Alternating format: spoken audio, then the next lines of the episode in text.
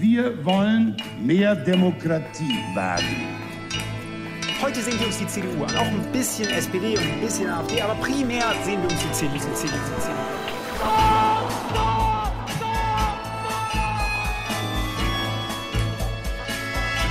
Niemand hat die Absicht, eine Mauer zu errichten. Ich weiß, ich habe heute Morgen in den Spiegel geguckt und dachte, jetzt sind die Hotte Bitch. Werden schon in wenigen Jahren blühende Landschaften, blühende Landschaften geworden sein. Früher waren wir Lametta. Wir haben so vieles geschafft, wir schaffen das. Hallo og velkommen tilbake til Tyskerne, episode 121 med Ingrid Brekke. og Kai Schwind. I dag blir det oppdatering fra det politiske Tyskland og Merkel-krim. Så har vi en best siden siste spalte med oss. Og ja, velkommen tilbake, må vi jo virkelig si. Det har blitt en lang pause siden dere sist fikk en ren Tyskerne-episode. Det siste vi la ut var jo opptak fra fellesarrangementet med våre venner Podkast Frankrike forklart og Pod Britannia. Men det er jo en stund siden dere hørte fra oss.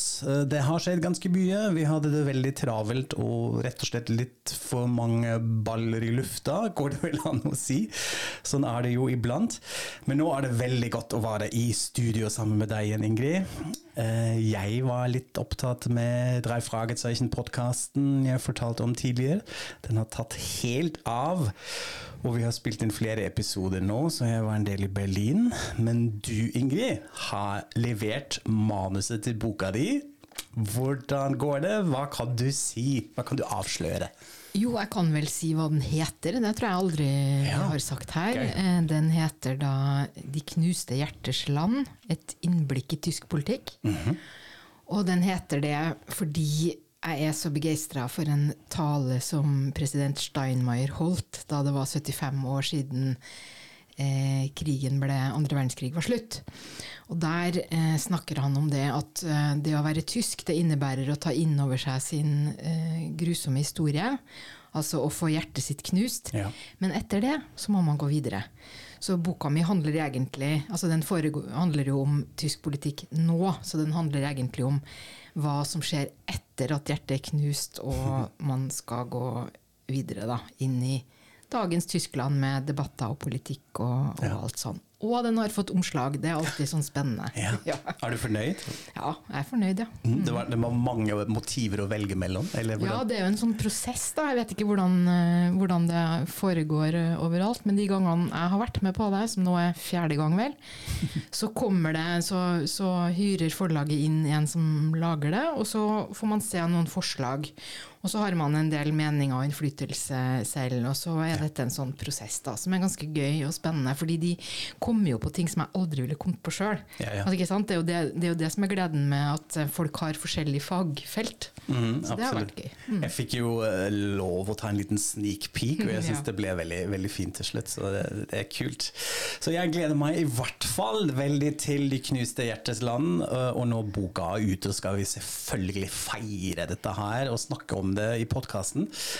Men nå må vi komme tilbake til den aktuelle situasjonen i Tyskland, syns jeg. Der har det jo også skjedd ganske mye. Så vi tenkte vi tar en oppdateringsrunde om den politiske ståa i landet. Hvordan har regjeringen det, hvordan står partiene an?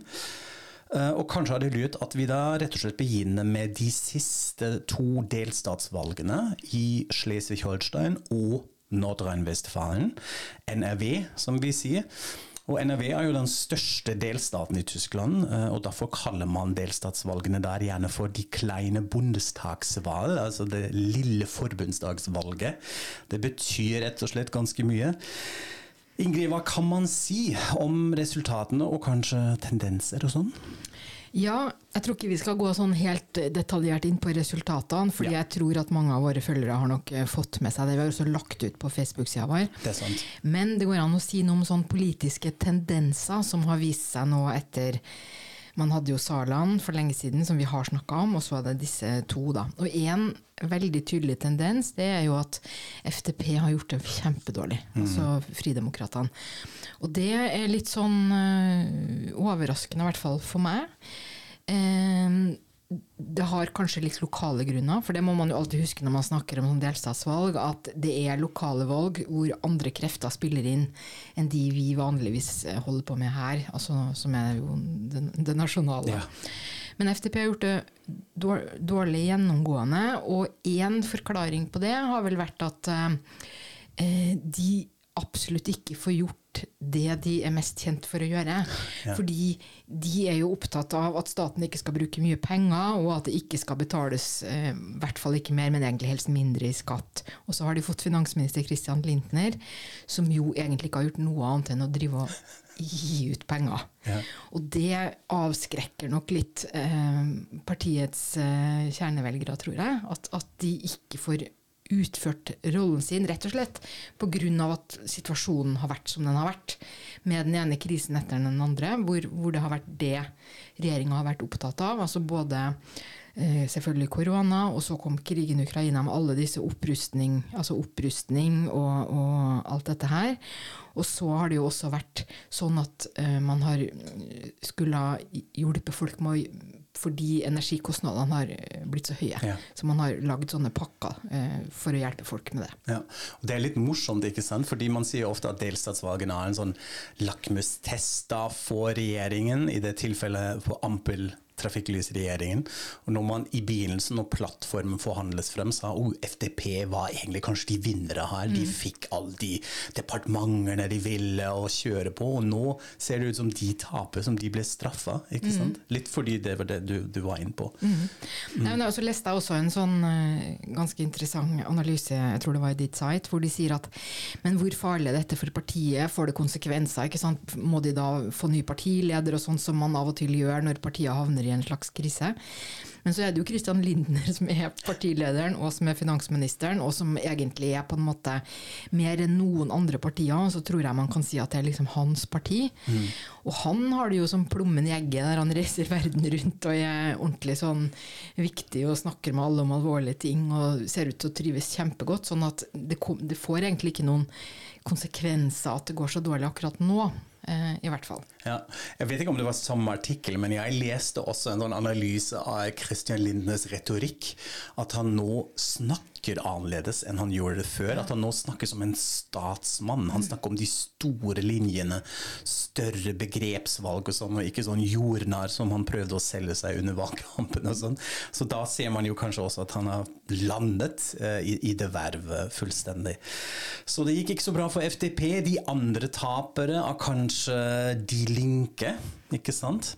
Og da må man jo si at de egentlig litt fra før eh, sto midt i en stor krise. Fordi før påske rapporterte nemlig Der Spiegel om en rekke med metoo-misbrukssaker. Hovedsakelig da relatert til Hessischer Landesverband av De Linke. Hvordan sier man det? Altså lokal kommunal lag i Hessen?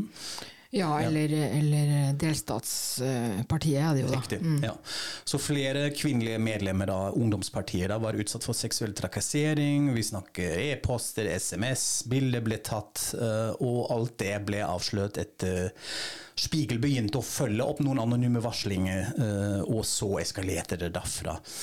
Um, så det er snakk om en ukultur, om dårlig håndtering, litt sånn det man pleier å si når metoo slår til innenfor partier eller organisasjoner. Men det som vekte kanskje mest oppsikt, var at uh, de så, såkalte bondesvorsitzende, nå må du hjelpe meg igjen, altså nasjonalstyreleder? Ja, partileder. Partileder, Ja. riktig. Bra. Uh, Janine Wisler, som også er fra Hessen, ikke trakk seg og ikke tok noe særlig ansvar eller konsekvenstenkning da. Så det stormer fortsatt eh, rundt henne. Og så er det jo Zahra Wagenknecht, ikke sant, som var partiets eh, nesteleder i mange år, og kanskje De Linkes mest profilerte politiker. Hun har vært veldig synlig i det, disse politiske talkshows som vi pleier å følge med, og har sagt en del eh, vage og ganske polariserende ting om krigen i Ukraina, og mye som mange oppfatter som en slags apologetisk holdning overfor Putin. ikke sant? Så det, hun gjør partiet en bjørnetjeneste òg, eller? Ja, nei, også bare for oss litt tilbake. Altså, Ja. Hvor dårlig har de gjort det? Jo, de har gjort det så dårlig at de har røket ut av alle tre delstatsparlamentene der det har vært valg. Så det, de er jo blitt et sånn miniparti når de får sånn 2-3% og sånn. Altså det er virkelig kjempekrise. Eh, og jeg tror absolutt at det har noe med, med denne metoo og lederproblemer, kan man kanskje si. fordi at den andre partiet, De hadde jo to partiledere, den andre trakk seg jo. Riktig, Og så ja. skal de snart ha ø, landsmøte og velge nye, og så får vi se hvordan det går. Men jeg tror minst like mye som disse lederproblemene og kontroversene de har hatt egentlig veldig lenge, så handler det nok også, som du sa, om, om krigen i, i, i Ukraina. Og at eh, de har for mange som kanskje snakker litt som Sara Wagenknecht, og ikke klarer å si at det er Russland som er ansvarlig, Ja. men på en måte fortsetter å mer eller mindre direkte skylde på USA, og, og at det handler om hva Nato har gjort og sånne ting. Og det eh, faller ikke i særlig eh, god jord. Men de har jo noen andre. Um, jeg syns det var veldig interessant å se her eh, hva de andre vil, mon tro. For det er en som heter van Aken. Riktig, ja. Ja. Um, som virkelig har greie på, på utenrikspolitikk og krig og fred, og tydeligvis har vært en sånn sentral person i partiet lenge på det feltet, uten at jeg, jeg må innrømme at jeg hadde vel knapt hørt om han før. Men han argumenterte på en sånn rimelig måte, eh, som handler om at man har lagt altfor liten vekt på sanksjoner og for mye på militære løsninger og sånn. Og det er jo legitimt. Ja. Ikke sant? Når du ikke begynner med sånn der, 'hvem har egentlig skylda' og, og masse sånn grums, men bare sier at vi har ikke utnytta alle mulighetene våre. Og det er jo noe man kanskje kan trenge eh, sterkere eh, stemmer som mener. Da. Det er jo mange Det er jo en, en holdning jeg tror en del i Tyskland har. Ja, ikke sant. Så var det, tror du som fortalte meg om en undersøkelse som ble gjort, ikke sant, med velgerpotensialet, eh, at, de, at det egentlig, egentlig er fortsatt 18% eller hva var det, som kunne tenke seg å stemme for De Linke? Ja, det er en undersøkelse de har gjort selv, så jeg vet Ja. ikke, men vi får ta det litt med en klype salt. Men Ja, de har i hvert fall eh, kommet fram til at partiet har et såkalt velgerpotensial på 18 Ja. Og det, det det betyr, er at 18% av de spurte sier at de kunne tenke seg å stemme på De Linke. Eh, og det er jo slett ikke verst, ikke sant? Så da blir jo deres problem er jo da hvordan komme da fra 3% og i hvert fall et godt stykke høyere.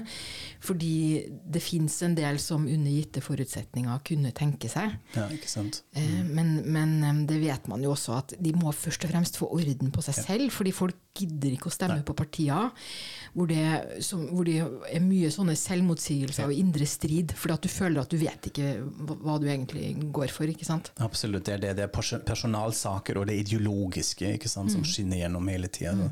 Det er synd, fordi det er veldig viktig med en sånn ordentlig parti på venstresiden, syns jeg. Spesielt når De Grønne og SPD har sånn, blitt mer og mer borgerlige og mer og mer i midten. Ja, man kan i hvert fall si det at når det er denne helt spesielle situasjonen hvor Tyskland Um, hvor mange tyskere bekymrer seg om, om hvordan man forholder seg i Ukraina-krigen.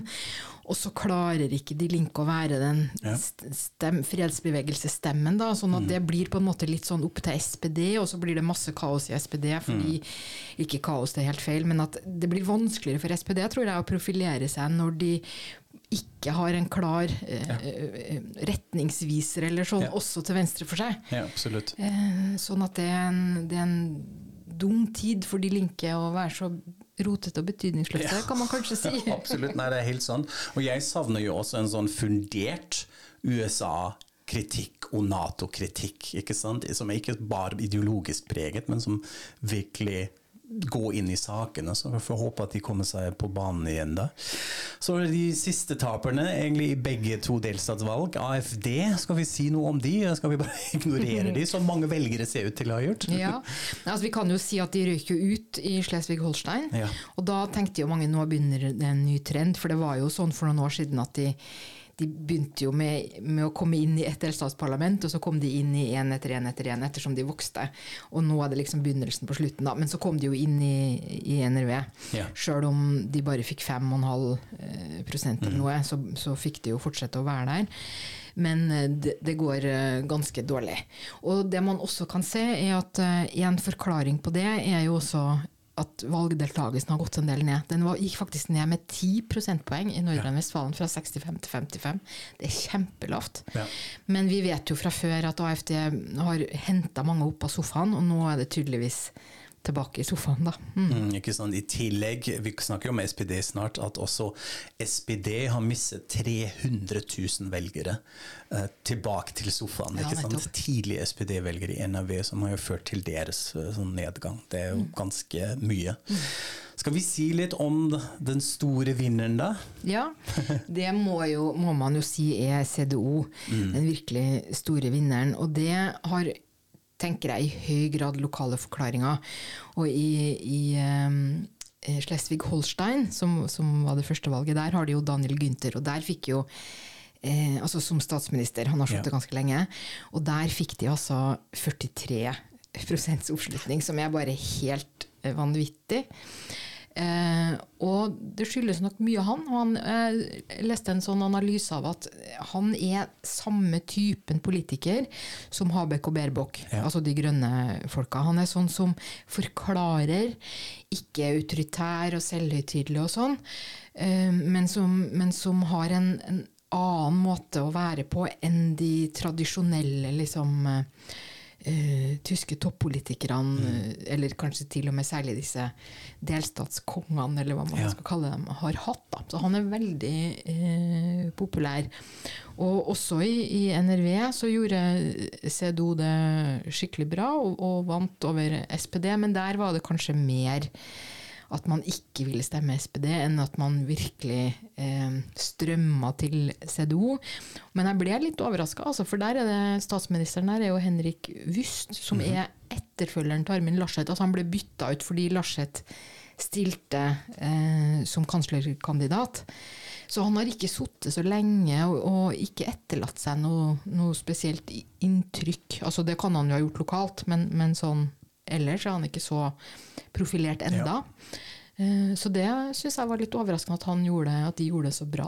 Mm, det er sant. Kan det også være Jeg har lest litt om valgkampen SPD førte, spesielt i NRV, hvor man da valgte også å kommunisere kandidatene med Olaf Scholz i tillegg, eh, som var med på plakatene osv., hvor man da etterpå tenkte ok, dette her var kanskje ikke noe særlig smart, fordi dette Vi kommer til å snakke litt om Olaf Scholz snart.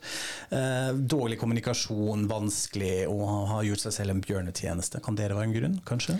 Ja, det kan godt hende det. Altså, det, det er alltid det der vanskelige med hvor mye er sentralregjeringa og Ja. hvor mye lokalpolitikken. men det kan umulig ha vært noe spesiell gevinst, i hvert fall å ha med seg Scholz så eh, sterkt inn nå når han sliter sånn. altså Man ser jo på disse popularitetsmålingene hvor langt nede han ligger til å være en kansler. Han ligger på femte-sjetteplass eller noe. altså han Ja. er ikke, Og når folk blir spurt om de er fornøyde med innsatsen hans, så er det langt under halvparten som er det. og sånn. Mm. Så han er jo ikke spesielt i vinden, sånn, sånn positivt. Det er sant. Kanskje det hjelper også litt med Friedrich Merz, ikke sant? altså nye lederen i CDU, som hadde jo en del eh, aksjoner sånn strategisk rundt valgkampen, bl.a. at han reiste til Kiev og møtte Zelenskyj. Kan det ha Ja, hjulpet ja, litt? det kan godt hende. Altså, det, det må vi jo også si, vi som har gjort litt narr av Friedrich Merz. Og de hadde ikke noe spesielt tro på at han skulle klare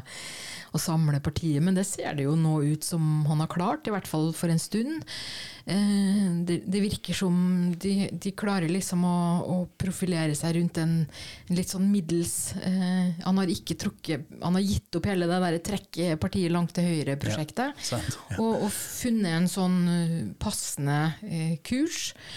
eh, Hvor det virker som det ikke er noe spesielt mye konflikt. Og så, som du sa, han dro jo da til Kiev før disse delstatsvalgene. Og eh, klarte å, å få vist seg skikkelig fram, og det før noen fra regjeringa hadde dratt. Og sa jo også at han fikk da i stand en slags deal, sånn at uh, Zelenskyj etterpå inviterte da Scholz til å komme og sånn. Altså han klarte å løse litt opp i den konflikten som har vært, da sa han selv i hvert fall. Ja, sa han selv på Twitter. hvor han sa jeg har nå tilrettelagt for at Olaf Scholz og Frank-Walter Steinmeier kan endelig reise til Kiev. Vi får se om, om det stemmer. Men nå må vi jo snakke om de andre vinnere, de grønne. Og nå har de jo også bestemt at det egentlig blir svart-grønn i begge delstatene, hvis jeg har lest riktig, i går og i dag. Så de går i en koalisjon, eller i hvert fall det er hovedmålet nå. De gjorde det vel kanonbra? De grønne gjorde det helt uh, fabelaktig. Eh, når vi ikke nevnte dem først, så var det for at det er litt mindre overraskende, selv om det er veldig bra. Men, men i NRV de økte jo med 12 prosentpoeng, altså gikk fra omtrent 6 til omtrent 18 prosents oppslutning. Og det er jo selvfølgelig enormt uh, flott, altså. Og der uh, har det sikkert også lokale grunner, men i, jeg tenker at det handler ganske mye om eh, hvem det er som har vært synlige i disse krisetidene, nemlig Habek og, og, og Berbuk. Da. Mm? Så de er virkelig i medvind nå. Ja.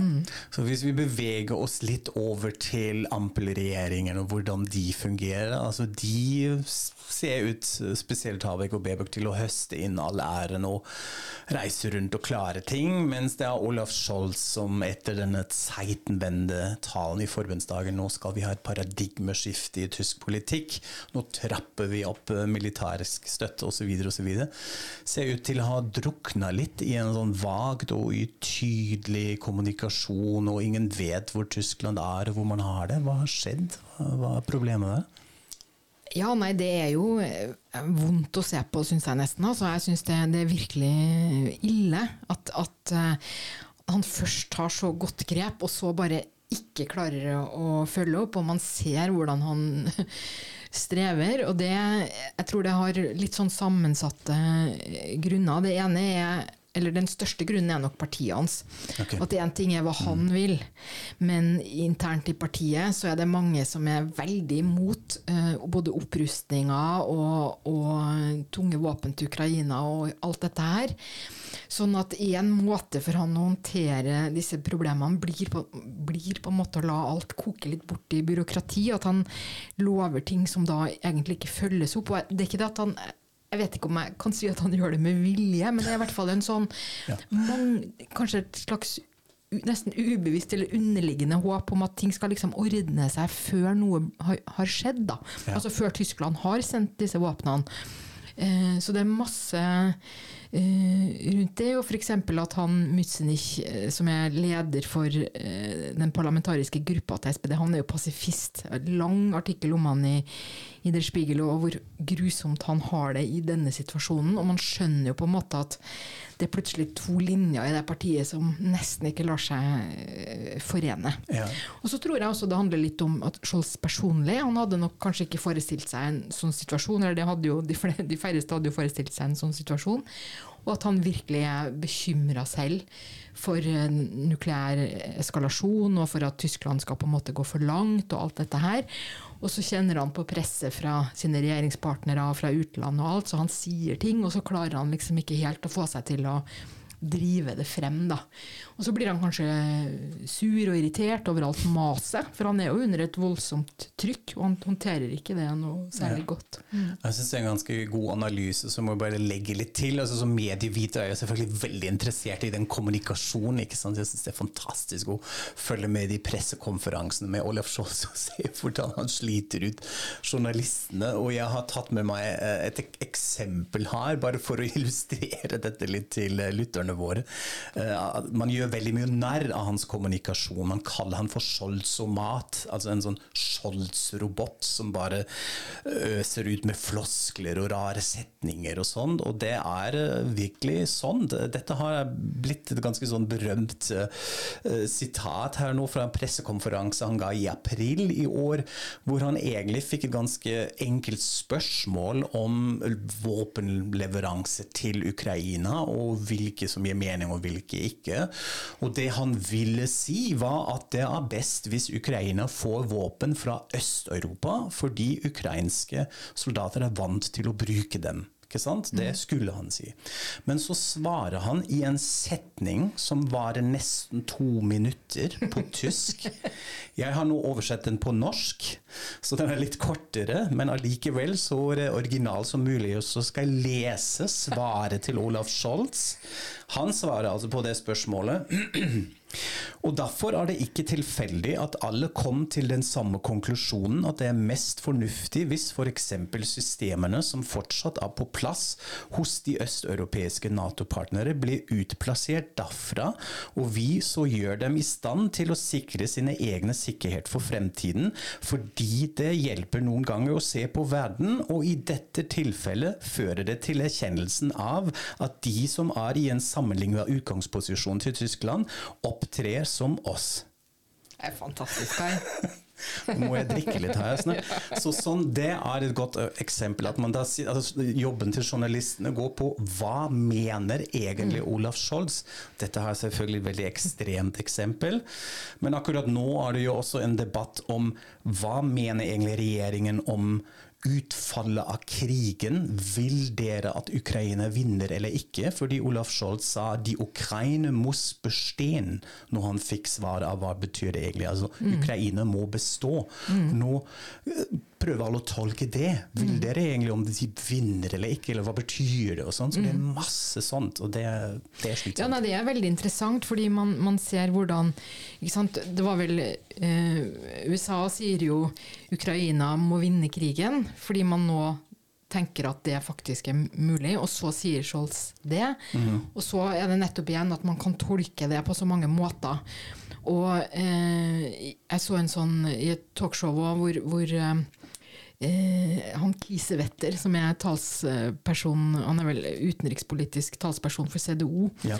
Eh, hvor han virkelig an, mer enn antyder at eh, disse samtalene som Macron og Scholz hele tida har ikke hele tida, men har hatt med Putin, påvirker dem på den måten at de blir mer tilbakeholdne. Ja. Mm. Eh, og hva betyr egentlig det? Er, er det no, skal vi uroe oss for at det finnes andre agendaer her, eller skal vi stole på at man faktisk vil det samme? Altså at Ukraina skal vinne krigen, eller hva betyr det egentlig? Ja. Og det at, at man ikke har noen som for jeg, tenker at nettopp fordi dette er så vanskelig, og det er kanskje vanskeligere for tyskerne enn for mange andre Ja. pga. av historien og pga. mange ting, at, at man ikke har noen som virkelig bare sier det. Nå går vi for dette, ikke sant? Og så har man hatt Habeck, da, som, som er, eller har Habeck, da, som er en slags kommunikasjonskansler, har jeg sett at han har blitt kalt. At det er han som hele tida sier ting. Ja. Men han, har jo, han er jo ikke kansler, så han har jo ikke den samme tyngden. Og der ligger det et, et eh, problem, vil Ja, jeg si. Mm. Det syns jeg er en kjempegodt poeng. Og så er det nok også disse forventningene som man har mot Tyskland. ikke sant? Altså, Hvorfor kan dere ikke ta den lederrollen nå endelig? Vi trodde jo det skulle bli bedre etter Merkel. Jeg syns Stein Inge Jørgensen hadde en kjempegod artikkel i Morgenbladet om dette, hvor han sa det er en feil forventning, en overdreven forventning mot Tyskland. De er i den nølende rollen, de er ikke ferdig med den prosessen. Og på en måte klare å catche opp med denne Zeitenwende selv, um, som har et godt poeng. Så det er litt sånn, kan man ikke finne en slags tredje vei å deale med Tyskland, eller bruke Tyskland? ikke sant? At, eh, hvordan, hva kan vi bruke de til? Og da også den nye regjeringen.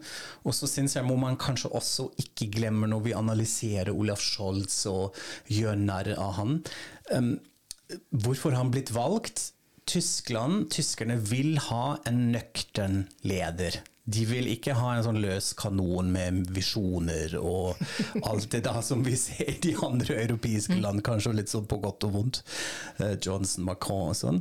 Man vil ha trygghet og en som tar seg tid, som er rolig og henger litt etter. Eh, Og Olaf Scholz er nok en slags variant av dette, vil jeg si, men som har tatt skikkelig på prøver nå under, under krigen. Så vi får se. Ja. Ja, for han skaper jo egentlig ikke trygghet når han ikke, Ikke klarer å kommunisere. Ja. Så der ligger jo nettopp det dilemmaet. Men jeg er absolutt helt enig i dette at det å tro at Tyskland skal ta en ledende rolle i, i Europa, enten krig eller ei, det er en, en feilslutning. Fordi man må skjønne hvordan Tyskland er, og man hører hvordan de snakker. ikke sant? Det er hele tida vi skal gjøre det samme som EU, vi skal gjøre det samme som Nato, vi skal ikke gå vår egen vei, alt det der. Og sånn snakker ingen som vil være leder. Dette er kollektiv Ja, de vil være en, en del av, av de andre, og aldri først og aldri sist. Og, ikke sant? Sånn. og det må nettopp, som du sa, omverdenen må lære seg hvordan skal de da håndtere det. Ja, absolutt. Så dette skal vi følge videre med. Jeg tror det er ikke siste gang vi har snakket om Olaf Scholz og hans lederegenskaper her.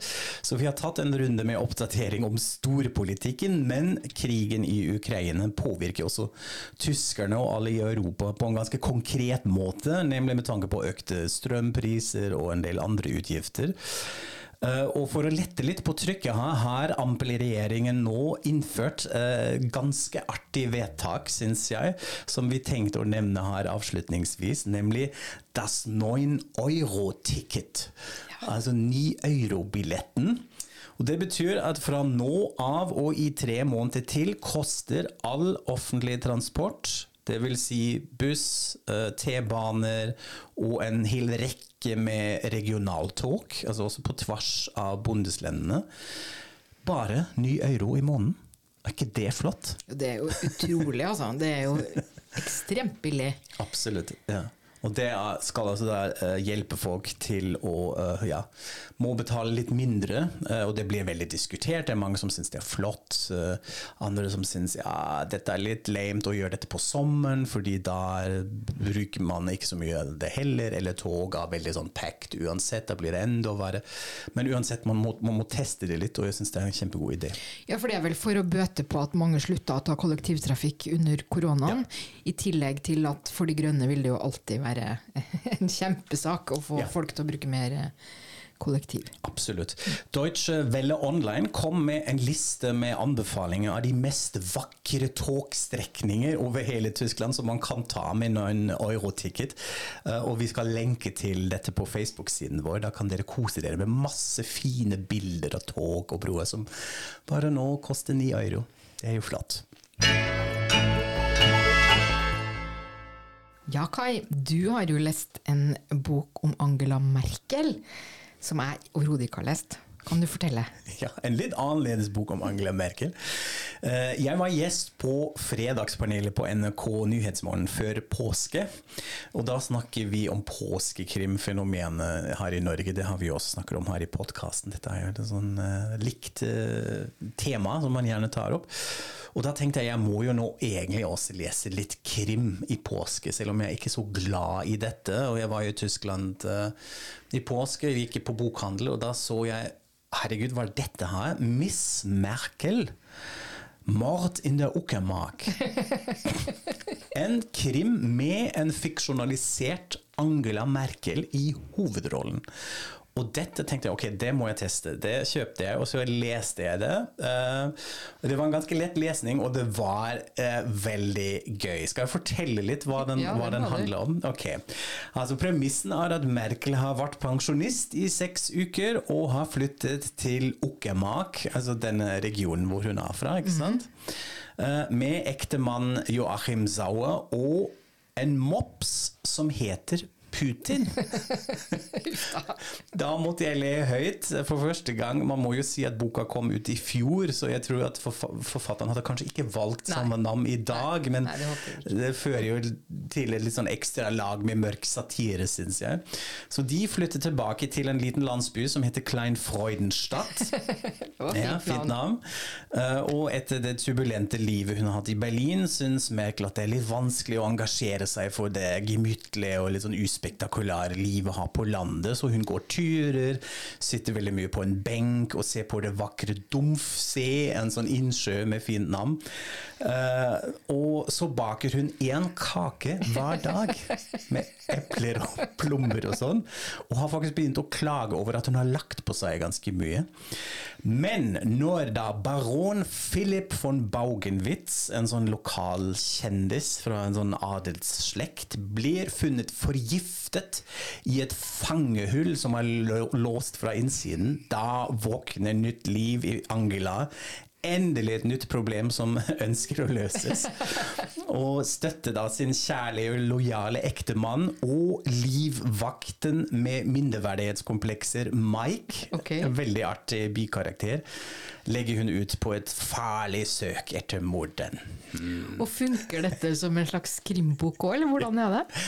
Ja, det fungerer jo faktisk, og jeg vil si kanskje ikke nødvendigvis av den krimhandlingen. Altså, nå må jeg jo si at jeg er ikke så glad i krim, men det funker jo, og spesielt her er det jo tydeligvis en Miss Marple-aktig parodi, ikke sant? Det mysteriet er liksom bygd på samme måten. Eh, Men man må si at forfatteren eh, David Savier, han eh, har skrevet mange bestselgere, men han kommer egentlig fra radio og har vært manusforfatter for eh, TV-serier. Så han har skrevet en rekke med ganske mm, profilert, eh, litt sånn tabloid TV-serie. Og det er det han kan aller best. Replikker, god dialog, situasjonskomikk, sånne ting. Det er det som er gøy uh, i den boka, og ikke nødvendigvis uh, plott. Så her finnes det mange morsomme scener. Eh, og det jeg liker aller best av disse beskrivelsene av ekteskapet mellom Angela Merkel og Joachim Sauer, det er litt sånn scene fra et ekteskap Merkel-style. Det syns jeg er veldig, veldig gøy, og veldig bra observert. Eh, blant annet kaller hun han for Puffel. Ok. Det er litt sånn kall, kallenavnet, og det er mange scener rundt det som er veldig gøy. Skal jeg lese et lite utdrag? Ja, ja, det må du. Fordi da får man litt sånn noe av denne stilen. Ok, her, Det er fra begynnelsen av boka. Da får de altså invitasjon til å delta på en vinfest eh, i den lille landsbyen for å møte lokalbefolkningen. Og Joachim Sauer har ikke lyst til det i det hele tatt. Han vil sitte hjemme og se på La Traviata på TV. Men så sier Merkel nei, du må, du må være med. Så jeg gjør litt eh, Merkel-imitasjon her i begynnelsen. Hun sier Es wird bestimmt schön zu sehen, wie in diesem Dorf Feste gefeiert werden, Puffel. Ja, Angela setzte Puffel als Kosenamen gerne auch strategisch ein, wenn es darum ging, ihren Ehemann zu Dingen zu bewegen, zu denen er keine Lust hatte. So hatte sie ihn mit einem gezielten Puffel dazu gebracht, am Damenprogramm des G7-Gipfels teilzunehmen, sogar noch als Melania Trump statt Michelle Obama dazu eingeladen war. Så dette er det hun gjør her. Hun sier det blir sikkert gøy å være med poffel. Jo, hvis man da bruker en sånn strategisk poffel, så klarer hun å overtale han til ting han egentlig ikke har lyst til. Sånn klarte hun også å overtale han til å delta i dameprogrammet på G7-møtet. Eh, også når Melania Trump var førstedame, og ikke Michelle Obama lenger. Veldig bra. Ja, så det er mye sånt, og det er det som er attraksjonen her. Um, det, det er derfor det, det, er, det er gøy å, uh, å, lese dette. Og det som er litt morsomt, at dette her er ikke en sånn one-off. Dette skal bli en serie. Bind to er allerede ute. Mat auf dem Friedhof. Dra på kirkegården er ute. Og jeg har sett at den har blitt oversatt til flere land. Eh, Nederland, Portugal, Italia. Så vi vil satse på at Norge følger etter snart, fordi Ja, ja, dette kan jo bli gøy. Og en siste ting. Jeg leste nettopp før vi skulle inn i studio her, at det hele skal bli filmatisert nå. Første bind kommer som en sånn TV-film fra RTL. Wow. Med Katarina Thalbach i hovedrollen som Angela Merkel. Eh, De som følger litt med tysk film og teater, kjenner henne. Hun er en stor skuespiller i Tyskland. Og hun har også spilt Merkel før, i en ganske merkelig TV-satire om Carl Theodor zu Gutenberg. Eh, Å, ja. um, den eh, tidlige forsvarsministeren som måtte gå av fordi han hadde plagiert doktorgradsavhandlingen sin. Da spiller hun Merkel som dukker opp som en litt sånn mørk, slem gudmor i bakgrunnen. Jeg syns egentlig ikke at det er så bra casting, fordi Katarina Ka eh, har en veldig sånn hes og mørk og røykete stemme. Og det er jo absolutt det Merkel ikke har. Jeg syns man må på en måte naile henne via stemmen. Eh, men vi får se. Kanskje det blir gøy og spesielt. Så eh, en anbefaling fra eh, oss til alle som leser tysk. Miss Merkel, Mord in der Uckermark von David Safier.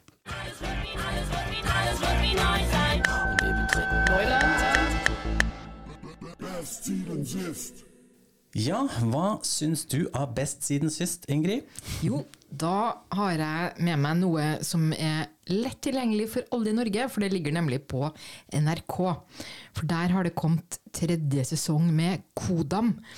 Som er denne dramaserien om eh, danseskolelærer, eh, en danseskolelærer og hennes tre døtre i Vest-Berlin. Og eh, det er en slags trend, tror jeg, i Tyskland at de heter sånn årstall. Så her har vi da Først var det Kodam 56, og så var det 59, og dette er da 63. Og de tallene viser jo da til årstallene. Så det er en dramaserie eh, som er et slags tidsbilde fra den tida. Eh, og man behandler sånne tema, ikke sant? barn utenfor ekteskap, homofili, litt psykiatri, litt forskjellige sånne ting. Og så er det jo selvfølgelig tyngre temaer som spiller med, som handler om at dette var like etter krigen, eh, hvordan man dealer med holocaust, hvordan var det med DDR, alt dette her, da. Eh, og jeg, og jeg liker Altså, jeg syns den serien er Nå har jeg bare sett første episode av de tre som er i den, denne siste sesongen. Men jeg liker den veldig godt fordi den er så estetisk flott. Altså, den er, den er så godt uh, lagd, og man kjenner igjen alle disse hvordan klærne var, hvordan bilene var, alt dette her. Uh, og så er det også noe med at um, det sier ganske mye om hvordan dagens Tyskland ønsker å tenke på den, at man bearbeider ting på den tida. Ikke sant? Det er ikke en, en dokumentar som handler om hvordan det egentlig var, men det er en, en dramaserie som viser hvordan vi ønsker at det var, på en måte. Og det syns jeg er så spennende med disse dramaseriene som, som utspiller seg eh, i nyere hi historisk tid. Ja. Så dette er flott å se, og, og det er også litt sånn vanlig såpeinnhold som alltid er deilig underholdende. ikke sant? Familiedrama, mye følelser og vanskeligheter i ekteskap og sånn. Og så er det selvfølgelig, som alltid når det er eh, nye tyske serier, en flott anledning for alle som er i ferd med å lære seg tysk, å se noe nytt og interessant med norsk tekst. Absolutt. En veldig fin anbefaling. Jeg må også sjekke det. Jeg har ikke fulgt med denne serien. Veldig, veldig gøy. Skal vi se på. Storpolitikk, Merkel-krim og retrohistorisk nostalgi. Jeg vet ikke Hvis ikke det er en full packed Topp tyskerne-episode, da vet ikke jeg. Og da takker vi for oss og høres straks igjen. Auf Wiederhören. Auf Wiederhören.